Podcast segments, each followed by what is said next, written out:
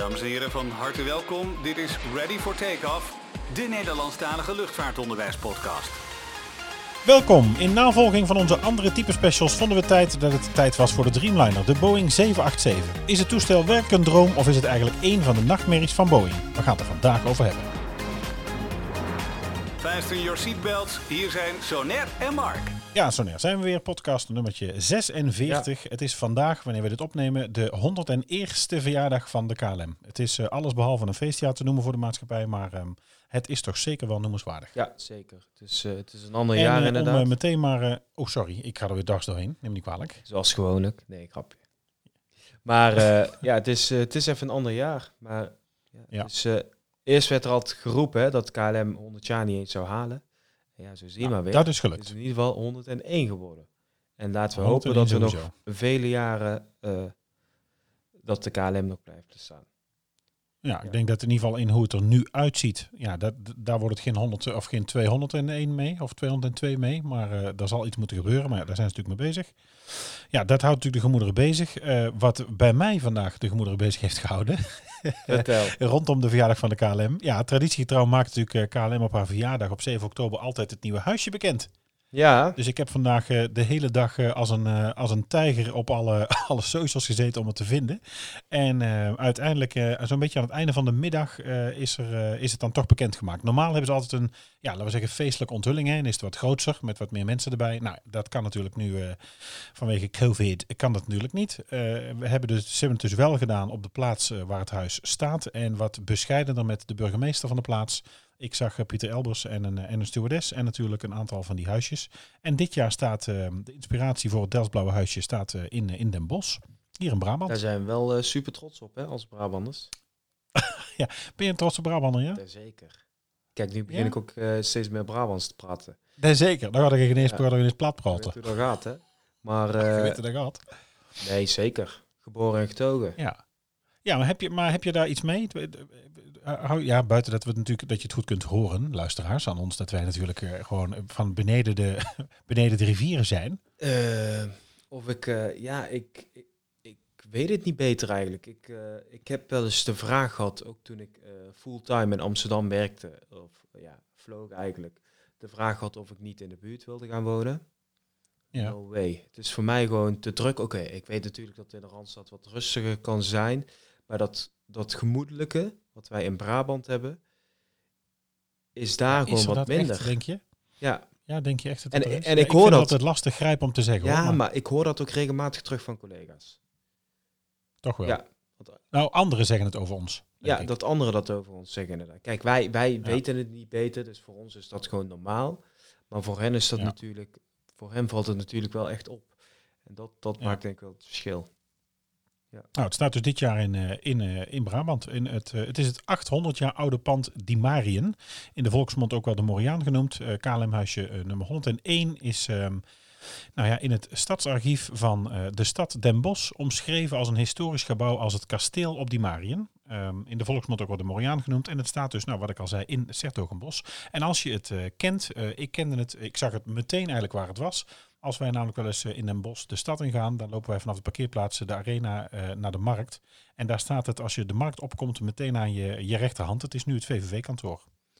Heb jij eh, het gezien in real life in Den Bosch? Het echte huis. Het echte ja, huis? ja, ja. Nee, wij komen daar heel vaak. Het- is vaak als wij iets anders willen dan, dan Breda of Tilburg of hier bij ons in Oosterhout, dan komen wij vaak wel in Den Bosch terecht. Ja. Dus ik weet inderdaad echt wel waar het staat. Grappig waar ze voor gekozen hebben. Eh, natuurlijk is daar natuurlijk ook in deze tijd over nagedacht. De doorslaggevende reden om voor de Moriaan te kiezen is omdat het handelshuis, eh, eh, omdat het een handelshuis is.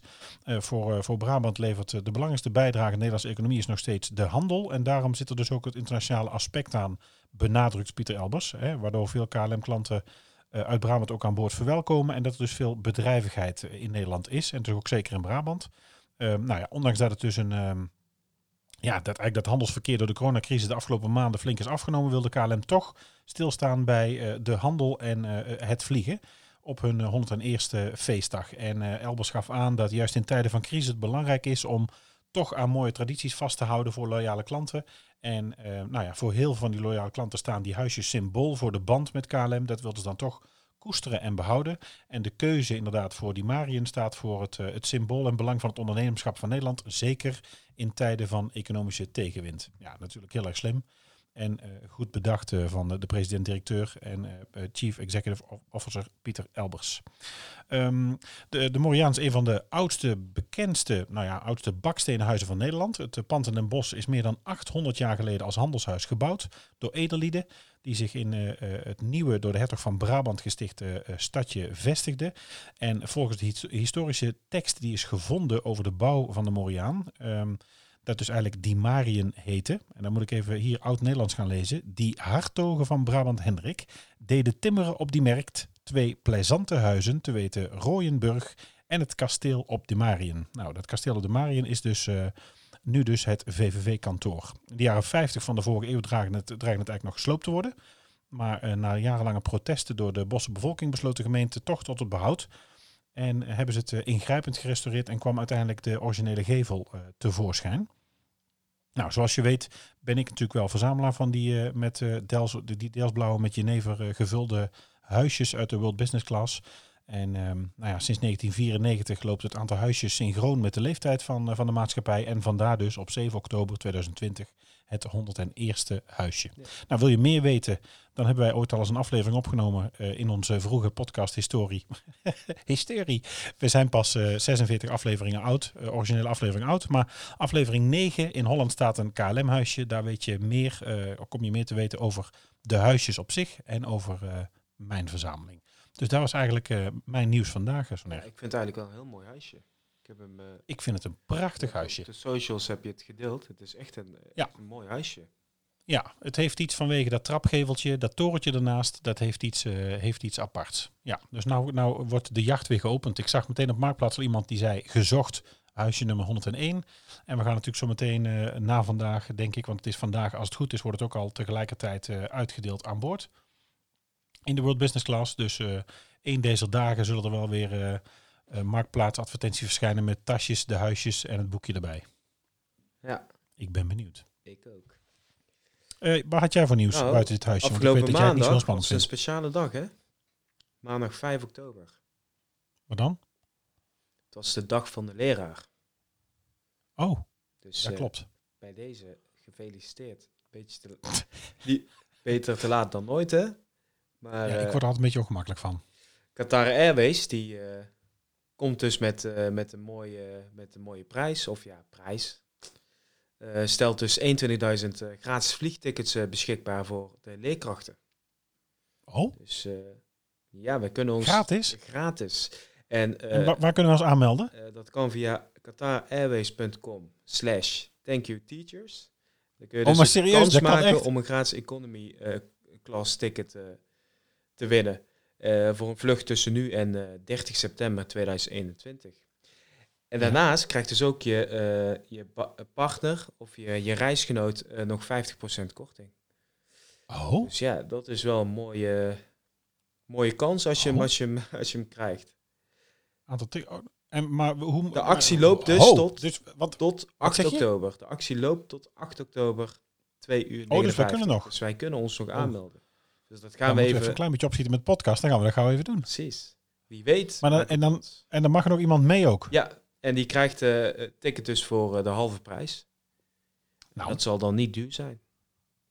Halve prijs. Nee, ja, het ligt een beetje aan waar je naartoe gaat natuurlijk. Ja, oké. Als je gewoon op tijd boekt, een uh, intercontinentale vlucht, ja, wat zou het gaan kosten. Ik weet dat Qatar en uh, Emirates, Etihad over het algemeen wel wat goedkoper zijn, omdat ze dus een vlucht hebben met, uh, met een overstap. Ja, en olie uh, gratis. dat, dat scheelt dan ook weer, hè? ja, en staatssteun. Ja. Nou ja, goed, oké. Okay. Oh, dus we een, een kortingsbon, een halve prijs en dan dus een ticket. Ja. QatarAirways.com slash thank you teachers. Ja. Dat is wel een mooi gebaar eigenlijk. Ik ga nou nog kijken op die site. Maar wat moeten we daarvoor doen eigenlijk? Want ik ga nu nog kijken. nou moet je gewoon aanmelden. En dan maak je kans op, uh, op een ticket. Ja, dus dat wordt dus wel geloofd. Leerkrachten uit meer dan doen, 75 landen ter wereld. Dus ik, ik hoop Even dat kijken. Nederland daartussen staat. Recognizing your dedication. On the occasion of the World Teacher Day, we would like to thank you, teachers of all around the world, for their hard work and dedication to educating the world's students. Your commitment to delivering a high standard of education continues to inspire us during these uncertain times. To show our gratitude, we're offering complimentary tickets for 21,000 teachers to use this year or to plan for a well deserved holiday in 2021. As a teacher, you will receive a complimentary economy class ticket to any of our destinations around the world and a 50% uh, off for future flight with Qatar Airways to use yourself, a friend, or family member. Okay, terms and conditions. Register for a complimentary ticket. Please fill out the form. A limited number of promo codes will be distributed for per country daily from 5 to 7 oktober. En de promo code allocation will be refreshed daily at 4 a.m. Oké, dus je krijgt per dag gaan ze dus... uh, oh, oké. Heb jij nog meer nieuws? Dan ga ik even invullen. Ja, ik heb nog een uh, nieuwtje over de KLM. Het gaat dus om vlucht uh, 1376. in Boekarest heeft er dus een bommelding, gelukkig een valse bommelding plaatsgevonden. Ja, inderdaad. Alle passagiers en de bemanning die zijn van boord gehaald. En het bleek dus achteraf een, uh, een valse bommelding te zijn. Ach, ja. en weet je hoe de bommelding werd gedaan? Nee. Door een anonieme beller. Ja. Ja. Ja, ja, ja, ja. ja. Dus er werd anoniem gebeld dat er een bom aan boord lag. Ja, dat is... en wat was de, de vlucht was van? Boekarest naar Amsterdam. Boekarest, Roemenië en Amsterdam toe. Oké, okay, ja, gelukkig vals. Waarom zou je dat doen? Hè? Ja, we hebben er al eens een aflevering over gemaakt over kaping en bommeldingen. Het is vaak natuurlijk uh, economisch of politiek dat je dat wil uh, of schade wil aanrichten. Ja. ja, gelukkig vals. Ja, je zult erbij zitten, zeg. Verschrikkelijk. Ja, heftig. Uh, lijkt me heftig voor de bemanning ook om dit ja. mee te maken. Ja, goed, zijn ze, daar zijn ze natuurlijk heel goed voor getraind. Maar goed, het blijft, blijft eng. Ja, behoorlijk. Ja, nou, dat, dat, dat, was het nieuws voor vandaag. Had jij verder geen nieuws? Ik heb verder... Uh, verder geen nieuws. Ja, dan trouwens, ik heb nog een nieuwtje. Tijd, uh, wat dan? Nou, Ryanair die wil dus uh, een nieuwe order plaatsen voor de 737 MAX. Daar hebben we het al lang niet meer over gehad. dus, het zou dus gaan om een bestelling van 150 tot 200 toestellen. En dat in deze tijd. 200 toestellen? Ja. Jezus. Ze willen dus uh, groen licht geven en dat gaat waarschijnlijk dus uh, eind 2020 uh, gebeuren. Ja, gaat dat ding al vliegen? Ik zag van de week dat de directeur, hè, de voorzitter van de FVE, heeft zelf gevlogen met de kist. Volgens mij heeft hij zelf achter het stuur gezeten. Ja. Staat natuurlijk sinds maart 2019 staat de kist nu stil. Ja, of die nog gaat vliegen. Nou ja, weet je, ik weet dat um, Menno en Philippe van de Mike High Club hebben een weddenschap om een fles champagne dat die voor het eind van dit jaar niet meer vliegt. Nou ja, ik denk dat dat niet meer gaat lukken. Gaat natuurlijk, ja, ik denk niet dat hij nog voor 31 december 2020 nog vliegt. Ja, kort daarna. Ik ben toch benieuwd. Ik ben toch benieuwd. En ze kiezen dus ook voor de uh, grootste variant, hè? De, de Max ja, 197 pak ze, hè? Ja. 230. Oh, 230 ja. zelf. Oh, ik dacht ze hebben 200. dus al die uh, 200 hebben ze dus al besteld. Ja. Uh, 35, dus van die 200. Oh. Dus, dus, dan, dus, dus voor 197 passagiers. Dat is dus al Ja. acht meer dan de huidige vloot. Ja. Want al die uh, 737-800's uh, die, die zijn voorzien van, van 189 stoelen van Ryanair dan. Ja. Dus Ja. dat zijn er al uh, acht meer. Met de 10, zo 230. Max 10, 230, pa- 230, 230. Nou moet ik ineens denken aan die, uh, ken die reclame nog? Met, uh, hoe hard hebben we gereden? Ja, 230. Nou, dat denk ik niet meer. Ja, echt wel. Je niet meer? Nou, laat maar zitten. Sorry. Is dat ook van mijn tijd of niet? Van jouw tijd. Gaan we, daar, gaan we die kaart weer spelen, ja? Ik, ehm, voordat het uit de klauwen loopt. eh, wil je ons iets laten weten? Heb jij een nieuwtje? En dan moeten we iets bespreken in de podcast? Of, eh, of heb je een onderwerp wat je ons eh, wilt toesturen, wat wij kunnen behandelen? Eh, zeggen we iets geks? Heb je wat recht te zetten? Heb je klachten? Dat mag ook. Eh, wij zijn te vinden op eh, Twitter. Daar zijn we take underscore ready. Op de gram zijn we ready for takeoff pod. Eh, mailen mag naar readyfortakeoff.summercollege.nl. En we hebben ook een website, summercollege.nl slash ready for takeoff. En daar kun je naar de reageerpagina. Uh, die berichten komen bij ons in de mailbox terecht. En je kunt daar ook de afleveringen vinden die geweest zijn. Luisteren kun je natuurlijk in al je favoriete podcast-apps of muziekstreamingdiensten. Met name Spotify zijn we goed te vinden. Overcast wordt veel gebruikt. Apple Podcast wordt nog steeds veel gebruikt. Um, waar dat kan, uh, laat een review achter en rate ons, want dat maakt ons vindbaar voor anderen. En natuurlijk horen we gewoon heel graag wat je ervan vindt. Dus tot zover de huishoudelijke boodschappen. Doe, doe, doe, doe. Um, ja, wat we dan gingen bespreken, de 787 zoals beloofd. We hebben natuurlijk al specials gemaakt over, uh, over de 7.3, over de MAX, over de 7.4. Uh, we zitten een beetje in de Boeing-hoek. Ik weet niet hoe het komt, het is eigenlijk puur toeval. Uh, ik, nou ja, we hebben een kleine lichte voorkeur voor Boeing wellicht. If it ain't Boeing, I'm, I'm not, going. going. Uh, ik hoorde van de week trouwens ook een mooie. Dat ging ook over uh, vliegtuigen huren. Waar hoorde ik dat nou toch? Was het bij de Mike High Club? Nou moet ik zo meteen weer de mogelijk uh, de podcast op explicit zetten. Maar if it floats, flies or fucks, rent it.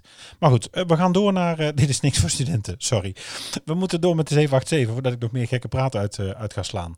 Um, wat bijzonder is, als je kijkt naar... Nou ja, ik zou bijna zeggen Boeing. we maken er even een verhaaltje van. Want als we kijken naar de 737... De 737 MAX de 74 is nu uit, uh, uit de handel. Er is er van de week van KLM is er weer een, uh, een 747-400 naar de Mojave Desert gevlogen.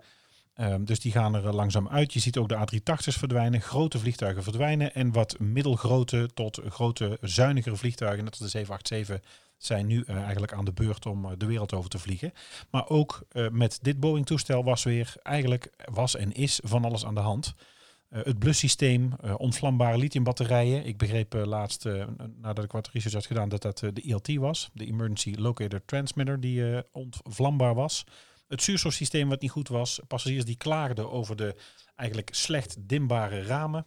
er werden bepaalde veiligheidscontroles uit het programma gehaald om de productie te versnellen. Personeel dat aan de fabriek, uit de fabriek dat aan Al Jazeera destijds liet weten dat ze voor geen goud zelf in de kist wilden stappen.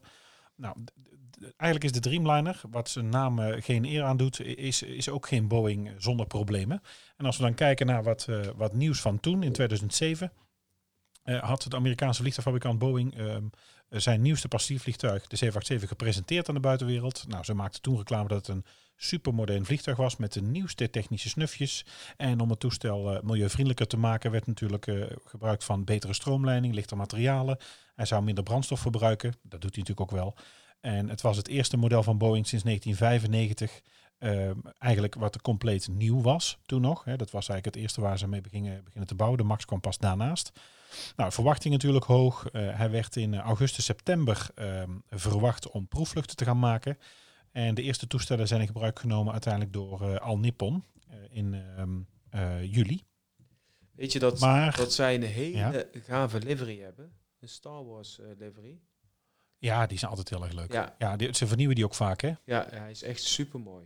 Maar dat gaan we wel even delen op onze socials. gezien en ja, startroepers gezien en R2D2. Um, ehm, de, wat wel leuk is, een leuk nieuwtje uit die tijd, is ook om uh, te weten dat de Dreamliner uh, destijds is um, eigenlijk de markt opgegaan. Kwam voor het eerst de hangar uitrollen op 8 juli, nou ja, 2007. En dat is dus 7 07 08 07. 787, dus daar was goed over nagedacht. Um, en in 2009 heeft hij uiteindelijk pas de maiden flight gemaakt. Dat was eigenlijk al bedoeld in 2007. Maar dat is dus al zes keer uitgesteld. Er waren fouten in het ontwerp, problemen bij de bouw. Uh, er werd gestaakt door personeel, wat ook uh, voor oponthoud zorgde. Uh, het was dus best wel weer even een gedoe voordat deze nieuwe milieuvriendelijke passagierskist ehm, ja, begon te vliegen. De kist is overigens grotendeels opgetrokken uit, uit kunststof en um, is natuurlijk heel erg brandstofbesparend. En hij moest echt de opvolger worden, nou ja, zijn, dat is hij ook wel, van, uh, van de verouderde 767. En hij staat dus qua grootte eigenlijk tussen de 767 en de triple in eigenlijk. Hè? Want hij is kleiner dan een 777, dat wil zeggen de, de Dash 8. Uh, de 10 is al wat groter natuurlijk. En het zou een directe concurrent moeten zijn voor de, uh, de 330 van Airbus. Ja, ja hij is wel qua grootte ja. is hij inderdaad wel vergelijkbaar ook met, met de 330. Ja. Maar dan een hij stuk kan, zuiniger. Ja, zuiniger sowieso. Hij kan tussen de 210 en 330 passagiers vervoeren over ongeveer 15.000 kilometer uh, uiteindelijk. Uh, het toestel zelf inderdaad dus, dus wel zuiniger. Maar om dat meer bestemmingen bereikbaar te maken, kan het aantal vluchten die ermee gemaakt worden en daarmee de milieubelasting toch wel toenemen. Dacht men toen ook al. En ondanks alle tegenslagen was de 787 bijvoorbeeld eigenlijk al een succes. Er waren er toen meteen 865 bestellingen gedaan bij Boeing. En dat was goed voor een omzet van 140 miljard dollar. Nou, daar is nu een groot deel natuurlijk van, laten we zeggen, verdampt door de coronacrisis en door ehm, de problemen met, met de 787 zo'n ontwikkeling van zo'n toestel, en daar gaan we het straks nog over hebben, want wat komt er na de 787? Uh, dat kost al gauw een miljard of 18. Uh, nog afgezien van de eigenlijk boetes die ze hebben moeten betalen omdat ze dus te laat zijn gaan afleveren. En um, nou ja, het eerste vliegtuig is dus uh, door Al Nippon gevlogen. Ik zei het al, en KLM koos ook uh, om de A330's en de 767's te vervangen. Um, nou ja, weet je, en ook zij vliegen dus nu uh, met deze kist. technical specs. Zo, wil jij die doen? Ja, als we kijken naar de passies. Je hebt hem in drie varianten. Je hebt dus de 787-800, de 900 en de 10. Dat noemen ze ook wel de 1000. Uh, op de, de 1000, ja? Ja. Waarom is dat? Geen idee. Ja, 800, 8, 900, 1000. Ja, oké. Okay. Uh, er kunnen dus 248 passagiers op de 800, 296 op de 900 en 336 op de, op de 1000. Dat is best nog veel, hè? Ja, als we kijken dan uh, uh, naar de lengte. De 800 is 57 meter, de 900 is 63 meter lang en de 1068 meter. Dus het verschil tussen de 800 en de 1000 het is dus uh, eh, 11 meter. Ja, en grappige vind ik wel, als je kijkt naar de verhouding, dan is de wingspan en de hoogte, dat is niet anders. De kist wordt over het algemeen dus, nou niet over het algemeen, de kist wordt dus bij groter worden, over het algemeen alleen maar langer. Ja, en als we dan kijken uh, naar de motoren, het zijn ook weer dezelfde, ook dezelfde. type motoren. Ja. Het is echt. Ik denk uh, dat we, ja, wat je natuurlijk vooral verplaatst, dan wordt het natuurlijk heel technisch en ik weet het niet zeker. Maar als je natuurlijk een vliegtuig groter maakt, dan moet je dus alleen zorgen dat het zwaartepunt verschuift. Hè. Je CG, je center of gravity, je gaat de, de vleugels natuurlijk verder naar achter verplaatsen. Ja. Maar ze blijven dus in breedte en in lengte hetzelfde. Ja, grappig. Ja. ja. Eerste commerciële vlucht na de technical specs was op 26 eh, oktober 2011. Dat was uh, Narita naar Hongkong. En dat was dus met de, kist van, van Al Nippon inderdaad die dus nu die Star Wars liveries hebben. In uh, ehm, 2012 is Boeing tweemaal zoveel Dreamliners te leveren als dat er was voorspeld. Volgens critici zou het hoge tempo, nou ja, die oplevering wel te kosten gaan van de precisie van de fabrikage. Wat ook later, nou ja, laten we zeggen, wel is gebleken. 2013 daalde de koers van Boeing nadat een aantal Dreamliners van Japan Airlines te kampen kregen met uh, de eerste technische problemen. 16 januari 2013 kregen eigenlijk alle Dreamliners een vliegverbod. Uh, er was een, een brandrisico in de lithiumbatterijen van eh, de kist. Dit naar aanleiding van meerdere incidenten ehm, van diverse 787's in verschillende tijden. Volgens mij zitten er, um, zijn er een aantal uh, hele grote lithiumbatterijen of accu's uh, vervangen de generators, denk ik, hè, in de kist. Of in ieder geval de stroomvoorziening. En uh, er is dus ook problemen geweest met, met de batterij van, van de ILT, de Emergency Locator Transmitter. Een, een GPS-toestel wat achter in de staart zit, wat um, nou ja, aangaat bij een klap harder dan 9G. En die gaat dan voor 48 uur een GPS-signaal uitzenden om een kist te kunnen vinden. Die hebben we vaak ook nog los bij ons. En die zit er eentje ook vast in het toestel.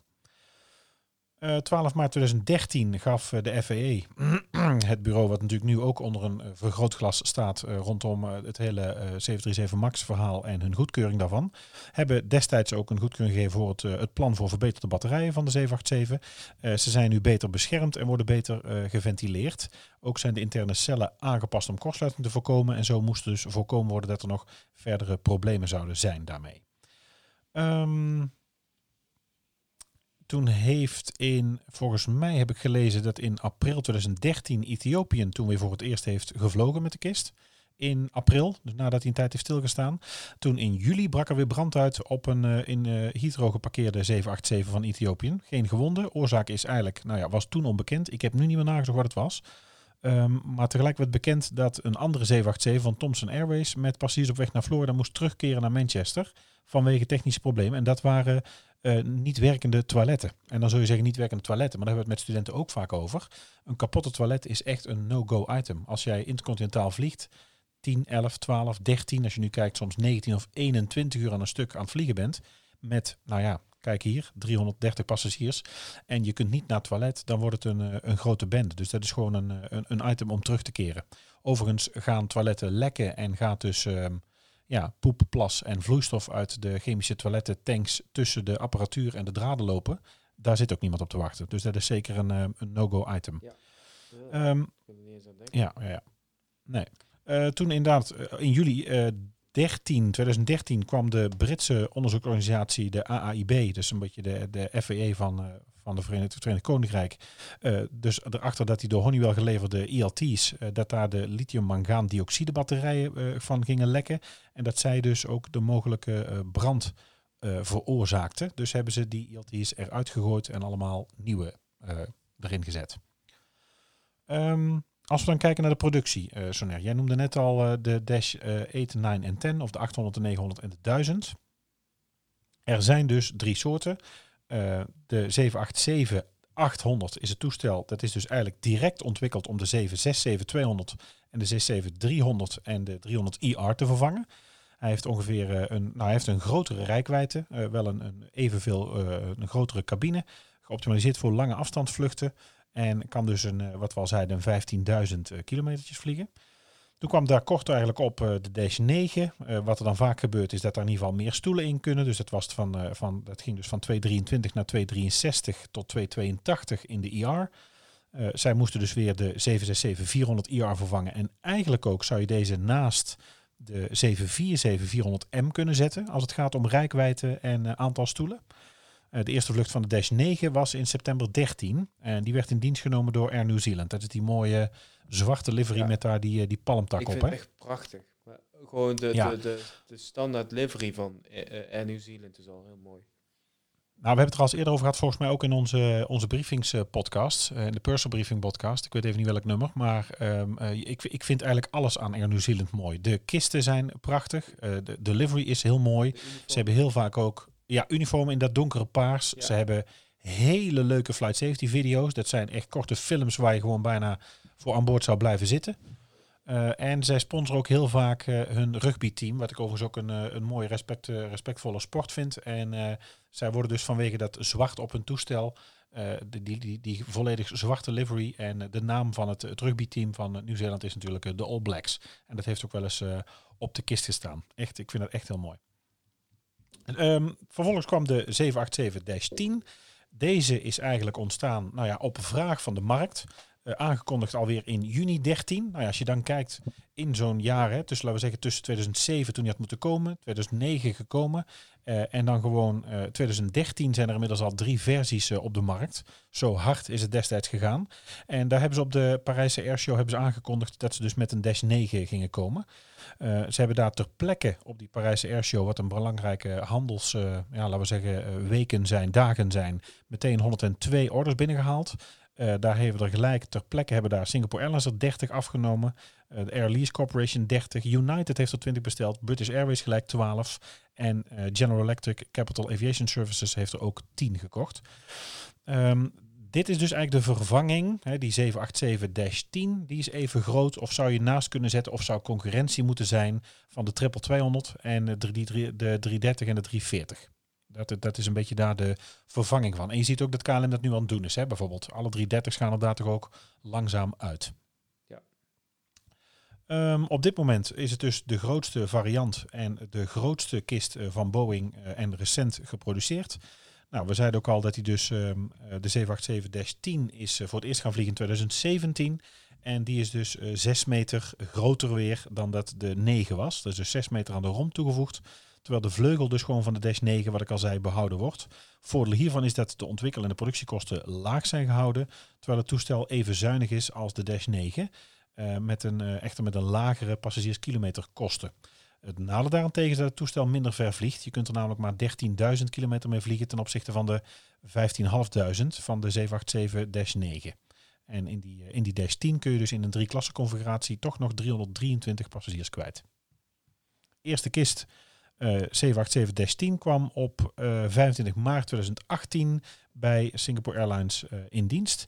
En in 2020 had Boeing tot nu toe eh 211 eh, bestellingen eh, totaal, waarbij ze er 56 van hebben voldaan. Dus ze zijn nog volop aan het bouwen eigenlijk nog steeds. Ja, ik, eh, in, KLM heeft ook een hele mooie 100 livery op de 78710. De eerste die ze binnenkregen. Ja, de zonnebloem is dat denk ik. Toch? Ik ga het gelijk voor je opzoeken. Zoeken. Volgens mij was het de zonnebloem. Wat ik niet wist, en dit kwam ik tegen terwijl we wat zaten te lezen en uh, wij ook op en neer aan het appen waren over het, uh, de voorbereiding over het onderwerp, uh, zo doen we dat ook altijd samen, is dat er ook een 787-300 voorgesteld is. Wist je dat? Nee, dat hoor ik nu voor het eerst.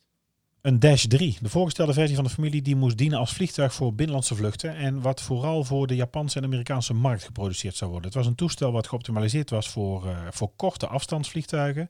De Dash 3 had motoren met een, een veel kleinere fan, kleinere radius en een andere, een andere vleugel. Uh, het zou een standaard configuratie krijgen van 296 stoelen, dus duidelijk onder die, die 300. Een rijkwijde van 6.500 kilometer. En zou een directe vervanging zijn of concurrentie moeten zijn van de 767-400. En het was dus vooral voor low-cost airlines uh, bedoeld en voor korte afstanden. Maar in 2010 hebben ze al bekendgemaakt dat ze dus die, uh, die Dash 3 geannuleerd hebben. Uh, reden daarvoor was dat um, sinds dat ANA en Japan Airlines de bestelling hadden veranderd in de 787-8, er eigenlijk geen bestelling meer waren voor die, uh, voor die 300. En was dus niet interessant om die uh, te gaan bouwen. Dat zou nooit rendabel zijn. Heb je dat al gevonden hoe de eerste heette? Ja, dat is de, de, de BKA, de Bravo Kilo ja? Alpha. Oranje ja. bloesem. Oh, oranje bloesem. Ja, ja, ja, ja. Hoe kom ik dan met de zonnebloem? Geen idee. Maar het zijn over het allemaal Misschien de eerste 7879. Dat kan hem ook nog zijn. Oh, dan Google nog even ondertussen. Um, wat ik wilde vertellen, wat ik ook had gevonden, ik, uh, ik stond ervan te kijken. Um, uh, 15, 15, 20, 25, 30, 45, 45, 50, 65, 65, nou 65, uh, 70 afnemers. Hè? 70 maatschappijen vliegen met die, uh, met die 787. als je meer wil weten, kun je gewoon kijken op boom.com, tik daar eventjes de 787 Dreamliner in en dan kun je daar gewoon zien dat er... Um, ja, grote maatschappijen als Aero Mexico, zelfs Air Astana, Canada, Air India, Air France KLM natuurlijk, um, zelfs Air Tahiti Nui, wat was hij de Air New Zealand met die, die zwarte All Blacks livery. Um, Azerbaijan Airlines, Bamboo Airways, China Eastern, British, uh, China Southern vliegt er mee, Etihad heeft er heel veel. KLM heeft natuurlijk uh, een aantal vliegen momenteel. Um, uh, Royal Jordanian, Qatar, Qantas, Turkish heeft er zelfs, Virgin heeft er, WestJet en, uh, en Vietnam Airlines. Nou, in ieder geval een kleine 70 operators hebben dus uh, die 787, populaire, populaire kist. Heb je dat gevonden? Ik krijg elke keer de laatste uh, negen te zien, maar niet de eerste. Oh. Maar de laatste negen hebben ze dus op 17 augustus ontvangen. Nou, het zijn in ieder geval allemaal bloemen. Allemaal oh, wacht, het is de BHP, Bravo Hotel Papa, dan zou de Bravo Hotel Alpha de eerste moeten zijn. Oh, gaan ze ook in letters gewoon ja. uh, door? Ja. De BHA. Dat is dan de eerste. En, en, en, en, en, en? Die is nu, als ik op airfleets.net kijk, uh, bijna vijf jaar oud. Oké, okay, en, dit, en hoe heet die? First flight date uh, 14 oktober 2015. Heeft hij de oh, 15. allereerste vlucht. Ja. ja. Dus precies. Hoe heet ja, hij nou? Vijf. Hoe heet hij nou? Uh, dan ga ik even inzoomen. Dat wil ik weten. Of was dat de Oranje Bloesem, de eerste? Nee, dat was de eerste tien. De Anjer zie ik staan. Anjer? Ja. Jezus, leem. De Anjer. Oké. Okay. Ja. De Anjer. Um, overigens, als je uh, meer wilt weten over de, de benaming eigenlijk van, uh, van de vliegtuigen, we hebben het daar volgens mij ook al wel uh, eerder over gehad en we hebben er ook wel, wel eerder naar gehint. we hebben een, een podcast opgenomen rondom het 100-jarig bestaan van de KLM. dat is aflevering 5, onze special, 100 jaar KLM. En ook daarin bespreken wij um, de namen van de vliegtuigen en hoe die tot stand komen. Oh, bij, Mark, je hebt toch gelijk hoor. Wat dan? Als ik kijk op de website van KLM, op de nieuwssite van KLM. KLM eerste Boeing 787 Dreamliner heet Zonnebloem. Kijk, zie je, dat was dan toch de eerste. Ja. Ja, ergens stond me dat bij. Goed geheugen. Oh, Oké. Jij. Ja, ja, dat heb ik. Net een olifant. um, augustus 2020. Um, ook toen waren er weer, uh, weer problemen. Hè. We hebben al wel doorgenomen dat je dus nu uh, ja, met, met batterijen die in brand vliegen en ramen slecht dimbaar, waar klachten over waren. Dit was dus geen, um, ja, geen probleemloze kist. Uh, augustus 2020, uh, Boeing heeft twee aantoonbare constructie-issues gevonden in de romp bij een aantal 787's. Waardoor de situatie dus is ontstaan die niet overeenkomt met de standaardveiligheid, zegt de Amerikaanse fabrikant zelf. Details over het probleem en welke risico's de vluchten met de bewuste toestel hebben opgelopen, hebben ze niet bekendgemaakt. Ik heb daar tot op heden ook nog niks verder van kunnen vinden.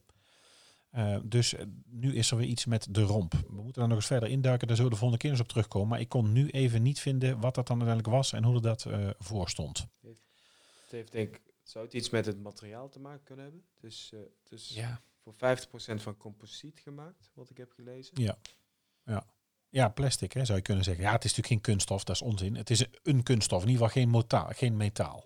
Ja. ja. Um, nou ja, de Boeing 787 Dreamliner is nu dus al een, uh, een groot deel van de, van de coronacrisis wereldwijd het meest gebruikte widebody vliegtuig. De inzet is um, afgelopen week uh, gemeten in stoelcapaciteit. Um, ja, 1,6 miljoen stoelen. Slechts 50% daarvan uh, lager dan vlak voor de coronacrisis. Dus met die 1,6 miljoen stoelen volgt uh, Boeing uh, 777 en 787 op de voet. Maar um, daar zijn dus normaal veel meer toestellen van actief. De inzet van de 777 is 70,3% lager dan normaal, hè, momenteel in de coronacrisis. En in relatieve zin is de, is de Airbus A350 de runner-up met een daling van 51,5%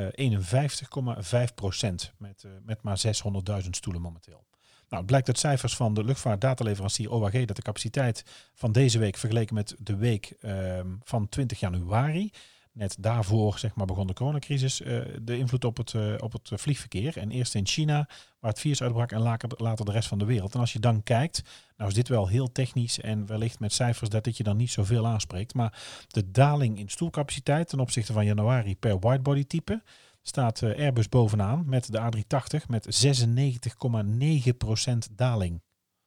En staat de Boeing 787 op een achtste plaats met 50,3% daling. Uh, als je kijkt naar um, beneden afgerond, uh, stoelcapaciteit per widebody type van vorige week, staat de 787 bovenaan met 1,6 uh, miljoen stoelcapaciteit. En daar staat dan de A380 onderaan met 34.000. Dus die 787 en die, eh, die A350 combineren dus een beperkt uh, formaat met laag verbruik, waardoor ze uh, ja, geschikt zijn gebleken voor deze tijd. En dan wordt weer interessant, en daar gaan we het zo meteen nog over hebben, wat dan die opvolger zou kunnen zijn. En dan is het natuurlijk belangrijk als je kijkt met waar nu Airbus mee komt, die dus met um, die A350 is gekomen, maar vooral ook met die A320 of die A321 Neo. Je hebt dus ietsje meer stoelen. Uh, zuinigere motoren, maar gewoon een wat kleiner kistje. En dat is natuurlijk in deze tijd uh, met minder vraag toch interessant. Um, als je kijkt, um, uh, als het gaat om, uh, nou we, hadden, we zeiden al stoelcapaciteit. Um, bovendien kan, dus, uh, kan er veel vracht in de kisten mee. ze zijn natuurlijk vrij nieuw, dus het zou echt kapitaalvernietiging zijn om nu al 787's af te gaan stoten. Zoals je het nu wel bij de A380 ziet. Dat laatste geldt bijvoorbeeld alleen, geldt niet voor de A340, die bij veel maatschappijen toch eigenlijk al onderweg was naar de uitgang. En wat nu dus met de 330 aan het gebeuren is. En ook die grote uh, kerosine slurpers van A380 en 747's. Ja, je ziet die nu nauwelijks nog een rol spelen in passagiersvervoer. Als je ook kijkt op je, uh, hoe heet het, op je, uh, op je app, op je telefoon, Flight Radar bijvoorbeeld, daar zie je gewoon minder van dit soort grote kisten vliegen. En eigenlijk zie je de A380 alleen maar vliegen nu bij Emirates en China Southern. De andere maatschappij hebben ze of aan de grond staan, of zijn ze zelfs al aan het verschoten. Ja, ik, nou, dit... ik zag dus laatst een uh, foto op Instagram voorbij komen, ook van British Airways, dat al die uh, eh, 747's daar uh, stil stonden. Ja. Er staan er nu 24 volgens mij, en voor Lufthansa ook. Ja, Om verschoten te worden. Ja. Ja, je ziet gewoon dat de, de, de vliegcapaciteit is, de vraag is minder, dus de capaciteit moet omlaag. Dus je gaat grote toestellen ga je, ja, ga je stilzetten. Dat is heel logisch. De zuinige toestellen um, inzetten, ja. Ja, ja, dat is niet anders. Maar ik had eigenlijk wel ehm, verwacht dat, uh, sorry dat ik je onderbreek, dat uh, nee, de nee, A350 wat populairder zou zijn. Ja, maar ook dat is natuurlijk een vliegtuig met, uh, met een vrij grote capaciteit en ook een grote range. En die vluchten worden natuurlijk gewoon minder gemaakt. En als je ja. natuurlijk met zo'n heel groot, duur toestel ja, half leeg moet gaan vliegen, ja, dat is natuurlijk niet interessant. Ja. Het, is, het is gewoon voor de hele luchtvaart natuurlijk gewoon een, ja, daar kunnen we niet onder stoel of bank steken. Daar, hebben we, ja, daar gaat het in het nieuws dagelijks over, maar het is gewoon een moeilijke tijd. Maar eigenlijk even eh, genoeg over, nou laten we zeggen, eh, de kritische kant van de 787. Want ik moet wel zeggen, er is ook een mooie kant. Ik heb er eh, in februari eh, voor het eerst, eh, was mijn laatste vlucht eh, sinds de coronacrisis. En eh, mijn eerste vlucht eh, weer sinds jaren. En mijn eerste vlucht met de 787, want ik had er eerder nog niet ingezeten. Eh Soner, wij zijn samen naar, eh, naar Washington eh, geweest. Jij hebt gewerkt en ik had gewoon een, eh, een ticket gekocht en ik was gewoon eh, met jou mee. Ja. Ehm, wij zouden vliegen, wat was het ook weer, met de triple heen hè? Nee, wij zouden Nee, in eerste instantie zouden met de Airbus eh, heen vliegen. De 330 heen. Eh, dus ja, met de 330, volgens mij was het de, de 300. Dat werd toen Ja. de, eh, de triple 200. Ja, triple 200 heen. 200 heen. En terug werd het de Dreamliner. Ja, de 787. Ik zie hem nog, eh, ik, ja, de, 9. de, de Dash 9. Oh, ik zie hem nog dat ik op eh, Dulles in de terminal zit en ik zie hem nog aankomen taxi en die grote neus met die, met die mooie paarse ramen zeg maar zo op je afkomen. Ja, het is echt Ja, geweldig. Het is, het is een, leuk. prachtig, een prachtig modern toestel. Ja. Eh, ik moet wel zeggen, het is enorm eh, eh, groot. Dus als we, weet je, ik wilde vooral even nu, eh, we hebben natuurlijk nu de kritische kant gehad, maar er is ook zeker wel een voordeel eh, van de Dreamliner. En daar hebben ze ook wel, daar moeten we eerlijk zijn, daar hebben ze ook reclame over gemaakt. Maar die reclame mag er ook zijn, want als je kijkt naar het ruimtegevoel, de, het is een enorm grote deur waar je binnenstapt. Het plafond is vrij hoog. Het is een gebogen plafond, eh, waardoor het eh, in, ja, ja, ik vond het, hoe, zo moet je het uitleggen als je het niet kunt zien. Ehm, ja, een soort golfbeweging hè, maakt het plafond waarin de bagagebakken zijn weggewerkt. Ja, eh, je, hebt echt, echt een beetje, ja, het, het is ruimtelijk. Ik vind het wel, Ja, een prettig gevoel geeft het. Bijzondere kist. Ehm, nou heeft, eh, wat is de indeling, waar hebben we, in welke indeling hebben we toen gezeten eigenlijk? eh 333. ja, je hebt dus drie rijen van drie, dubbel gangpad. Eh, gangpad en dan weer drie stoelen en dan nog een gangpad en dan weer drie stoelen. Nee. Ja, Ja, volgens ja. Acht, ja, dus het is, eh, wat zeg je nou, drie, drie, drie, negen stoelen. Ja, bij ehm eh, Al Nippon, die heeft gekozen voor acht stoelen.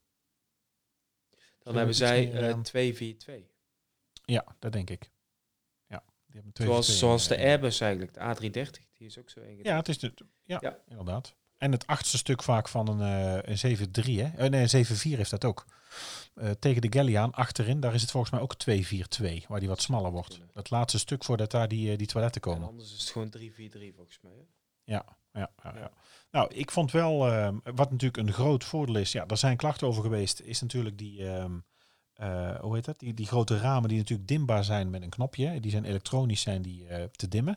Nou, dat uitzicht is echt enorm. Nou was ik al, nou ja, gewend klinkt een beetje overdreven, maar ik heb natuurlijk een tijd op de G4 gevlogen, de Gulfstream 4, en die heeft die platte ovale ramen. Die hebben daar patent op, want ja, normaal gesproken is natuurlijk een raam het stevigst als je, laten we zeggen, een eivorm pakt en die rechtop zet. Gulfstream heeft een ovale vorm platgelegd, wat natuurlijk wel eh, van effect is op de romp. Maar de Dreamliner heeft eigenlijk enorme ramen, eh, waardoor je dus goed buiten kunt kijken, veel kunt zien en hem dus als een soort zonnebril kunt dimmen. Ook zijn de toiletten groter, waardoor je iets meer ruimte hebt. En er zijn ook toiletten in 787's die een, een klein raampje hebben, zodat je ook tijdens de grote of kleine boodschap nog naar buiten kunt kijken. Ik heb dus nooit in zo'n toestel gezeten. Met, met, Met een raam in het toilet. met een raam in het toilet. Daar lijkt Ja, me echt wel om. Dat, eh, Ja, dat is heel grappig. dan ga je gewoon genieten als van je het achter je hebt, heb je natuurlijk niet veel aan. Nee, maar het ligt natuurlijk al een beetje hoe het toilet ook dan eh, neergezet is. Hè? Ja. Hey, en de verlichting, dat is ook apart. Kun je daar wat over vertellen? Ja, ze hebben echt eh, waanzinnige LED-verlichting. Je kan echt alle, alle kleuren gebruiken die je wil gebruiken. En volgens mij heeft TUI, die heeft nog, hoe heet het nou? Ik kom er nu even niet op. Maar die hebben een of ander rainbow effect heb je dan. Oh, Eh, nou, voor de, degenen die bij TUI werken of eh, het kennen, laat het ons alsjeblieft weten. Maar die, hebben, die daar, hebben- die hebben daar een speciaal effect, eh lichteffect voor. ja. Ja, die hebben dus echt gewoon een, alle RGB-kleuren zeg maar achter elkaar. Daar Ja, zie je dus aan kleuren. Ik zie het hier nu voor me ook. Ik heb het opgezocht. Een regenboog. Een regenboog, ja. Je kunt gewoon, kunt gewoon googlen. Maar hoe stel je dat in eigenlijk? Hoe wordt dat nou geregeld? Nou, je hebt verschillende opties. Hè? Eh, bijvoorbeeld een optie voor, eh, om passies wakker te maken, omdat je dan met de service gaat beginnen.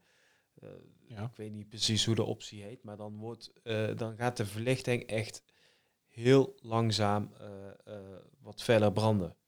En dat gaat alsof je dus een, een ontwaakt ochtends. Precies, hetzelfde als Philips heeft volgens mij ook van die wake-up light. Ja, zo'n wake-up light. Ja. ja. Ja, Daar is het eigenlijk een beetje mee te vergelijken. Eh, het is gewoon prachtig. Het is echt, het oogt zo modern ook. En voor, voor de luisteraars, eh, ja, ik zou het echt even gaan googlen. Hoe de Dreamliner van binnenuit ziet. En op YouTube staan genoeg filmpjes. Het is echt. Ja, als je nog niet kent, dan dus- kun je het wel even opzoeken. Ja. Maar is nou ook de. Eh, daar wordt natuurlijk sowieso zo'n wake-up light heeft natuurlijk ook, eh, ja, laten we zeggen, bewezen effect. Maar die, die, um, ze kunt u die verlichting dus in eh, dimmen en feller zetten. Het schijnt ook langzaam donker te laten worden, dat je ook weer lekkerder kunt slapen. Je kunt dan, ja, weet je, we weten allemaal, en voor iedereen die luistert en die zelf vliegt, ehm, laten we zeggen professioneel, die weet dat als wij passagiers willen laten slapen, eh, nou, laat ik in ieder voor mezelf spreken. Als het bij ons in de KDC-10 eh, of in de Gulfstream eh, nodig was dat ze gingen slapen, dan zet ik de verlichting wat lager. Liep ik even naar de cockpit en dan vroeg ik om de verwarming wat hoger te zetten. dan wordt het wat warmer, worden mensen wat slaperig. Dan heb je een warme maaltijd op en dan wordt het wat donkerder. Nou, dan vallen ze op een gegeven moment in slaap en dan heb je er... 12 uur geen last van. En als je nog een kort voor landing nog een ontbijtje wilt pushen of je moet daar vanaf, dan laat je de airco wat opdraaien en zet je de verlichting wat harder. Ja, dat zijn natuurlijk zijn gewoon simpele trucs om passagiers een beetje te sturen. Best slim eigenlijk. Ja, maar volgens mij hè, kwam er, toen, wij, toen wij instapten was het eh, dat lichte oranje. Een beetje, beetje gedimd, gezellig oranje binnen. Een beetje een warm gevoel heb je dan eigenlijk.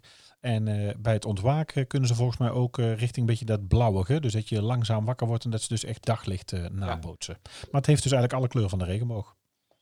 Net als, als onze simulatieruimte ja. op school. Dat kunnen wij natuurlijk ook gewoon doen. Dat heeft de, de 737-800, met de Sky Interior. Die heeft eigenlijk een vergelijkbare ja. cabine.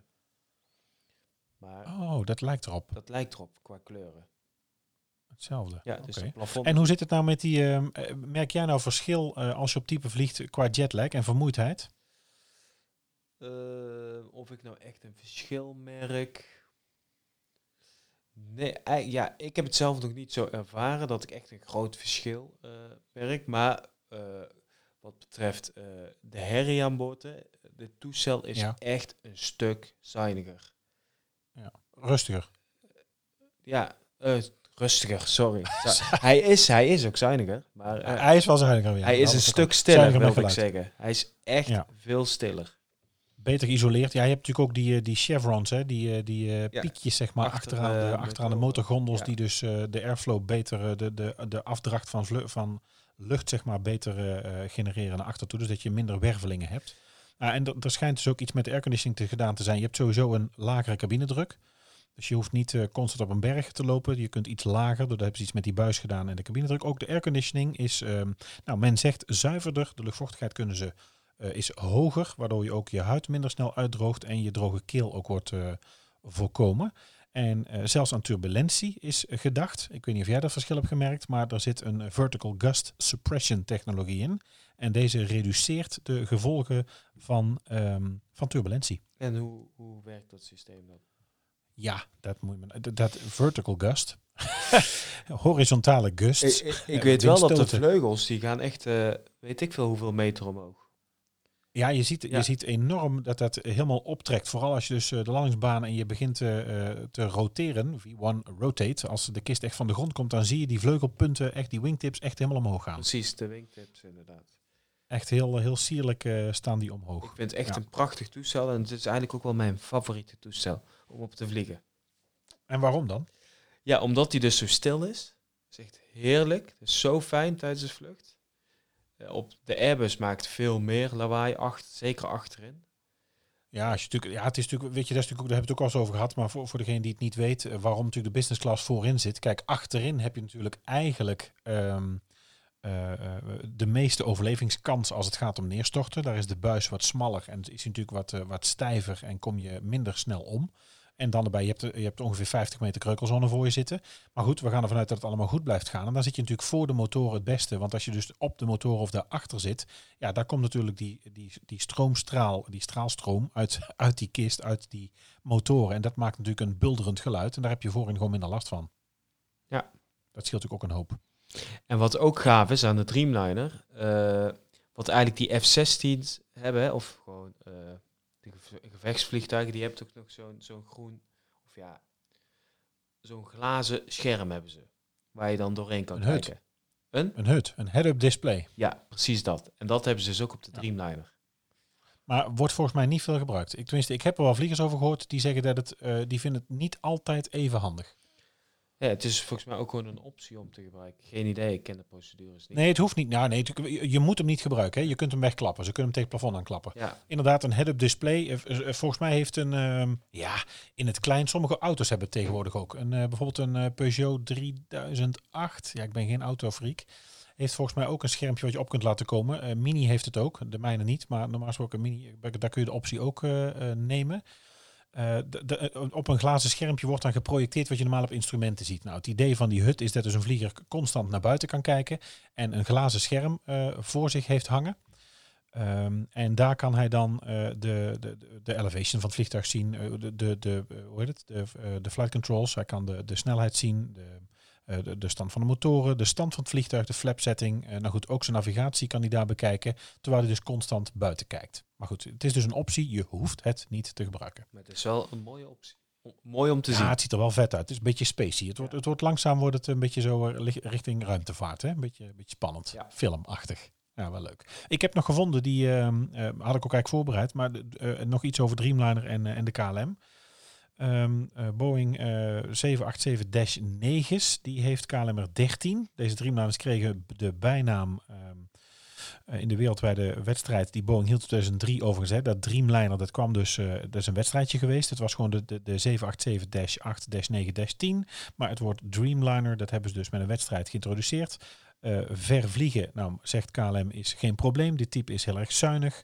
Het vliegtuig kan tot wel eh 8.500 nautische mijlen vliegen, waardoor de 787-9 zelfs de langste route van New York eh, JFK naar Bangkok kan overbruggen in één keer. Eh, wellicht vliegt u met deze Boeing naar Delhi, naar Mumbai, naar Rio, naar Bogota, naar Cartagena, naar eh, Salt Lake City of een van onze andere mooie bestemmingen afhankelijk van het seizoen. Het is een beetje een KLM-reclame.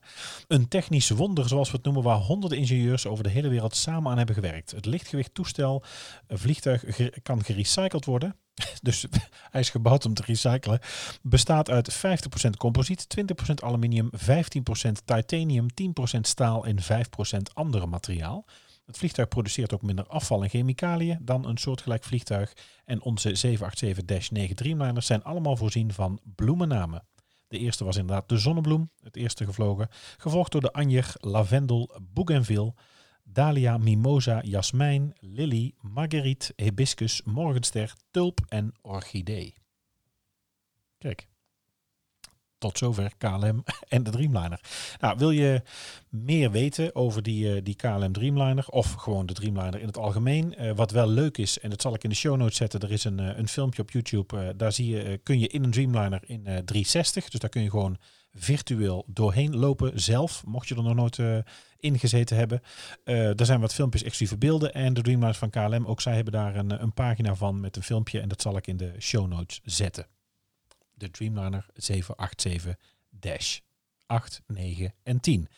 Ehm, nou is er al wat jaren gehint naar dat toestel. En dat het nu gaat gebeuren, nou ja, ik zou bijna zeggen is een makkelijke vraag. Maar komt er een Boeing 797 Sonair, denk jij?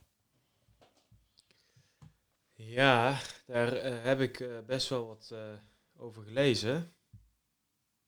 Ik weet het niet. Ja, ik denk van niet. Ik denk dat ze de focus nu even op de, de Max moeten leggen. En, eh, ja, dat en, ding vliegend krijgen. en als je kijkt naar de huidige situatie, dan denk ik dat daar eh, op het moment eh, nog geen vraag naar is. Nee, er was dus wel vraag, want ik heb dat dus gevonden. Ehm, ze zouden een, een 797 NMA 6X gaan bouwen. Daar kon 225 man in en daar kon je 5000 eh, mijl mee vliegen. En een NMA 7X, 797 NMA 7X, eh 265 passagiers en 4200 mijl. Zou ook een double aisle vliegtuig zijn en zou vergelijkbaar zijn met de A330 Neo. Eh, in 2008 dachten ze nog 4000 van deze kisten kwijt te kunnen rond het jaar 2025. Eh, overigens werd in 2019, vorig jaar, rondom de probleem met de MAX, een belangrijke leidinggevende van het 797-programma overgeplaatst om uit te gaan helpen bij de MAX. Eh, andere tegenslag was dat eh, Airbus op de Paris Air Show van 2019 de A321 XLR heeft onthuld. En die, die ja, zoals zij zelf noemen, die Super A321 met net iets minder capaciteit, maar vergelijkbaar vlieg, vliegbereik, komt al 2023 in dienst. En daarmee hebben ze dus eigenlijk ook veel orders weggekaapt voor die 797. Ja, en of dus nu na de bakel eigenlijk een beetje met, nou ja, een klein beetje de 787, maar toch ook met de 737 Max dat nog gebeurt. Ja, weet je, wie weet het. Ik, ik denk niet dat het gebeurt. Uh, inderdaad, wat je zegt, ze zullen zich moeten focussen op die, uh, op die 737 MAX om die in de lucht te krijgen. Dat lijkt me belangrijk. Ja. ja. Nou, we hopen je een klein beetje uh, wegwijs te hebben gemaakt en wat meer, te, dat je wat meer te weten bent gekomen over de 787 in het algemeen, geschiedenis, de bouw, zijn problemen, wat de mogelijkheden van de kist zijn. We gaan linkjes nog delen in de show notes, die zijn te vinden bij ons op de site. En ja, dan denk ik zo net dat we voor deze week aardig doorheen zijn. Ja, zeker. Hè? We hebben een, een drukke week achter de rug. We zijn weer online aan het lesgeven voor een deel. Ik ga morgen beginnen met verhuizen. Ik zit hier, kijk, hoor maar, tussen het trapje, de dozen en de verhuis shit. Want wij krijgen morgen de sleutel van ons nieuwe huis. Dus een drukke tijd tegemoet. En volgende week zijn we er weer op het gemak. En gaan we weer eens eventjes bijpraten over de nieuwtjes in, in de luchtvaart. Goed? Zeker. Wil je ons wat laten weten? Stuur een reactie. Ready for takeoff summercollege.nl. Ready for takeoff pod zijn we op de gram. Je mag ook naar summercollege.nl slash ready for takeoff. En uh, laat ons uh, laat een review achter op Apple Podcasts. Zo net tot volgende week. Volgende week. Dit was Ready for Takeoff. Denk aan je persoonlijke bezittingen. Volg ons op onze socials. Vergeet je niet te abonneren. En tot de volgende keer.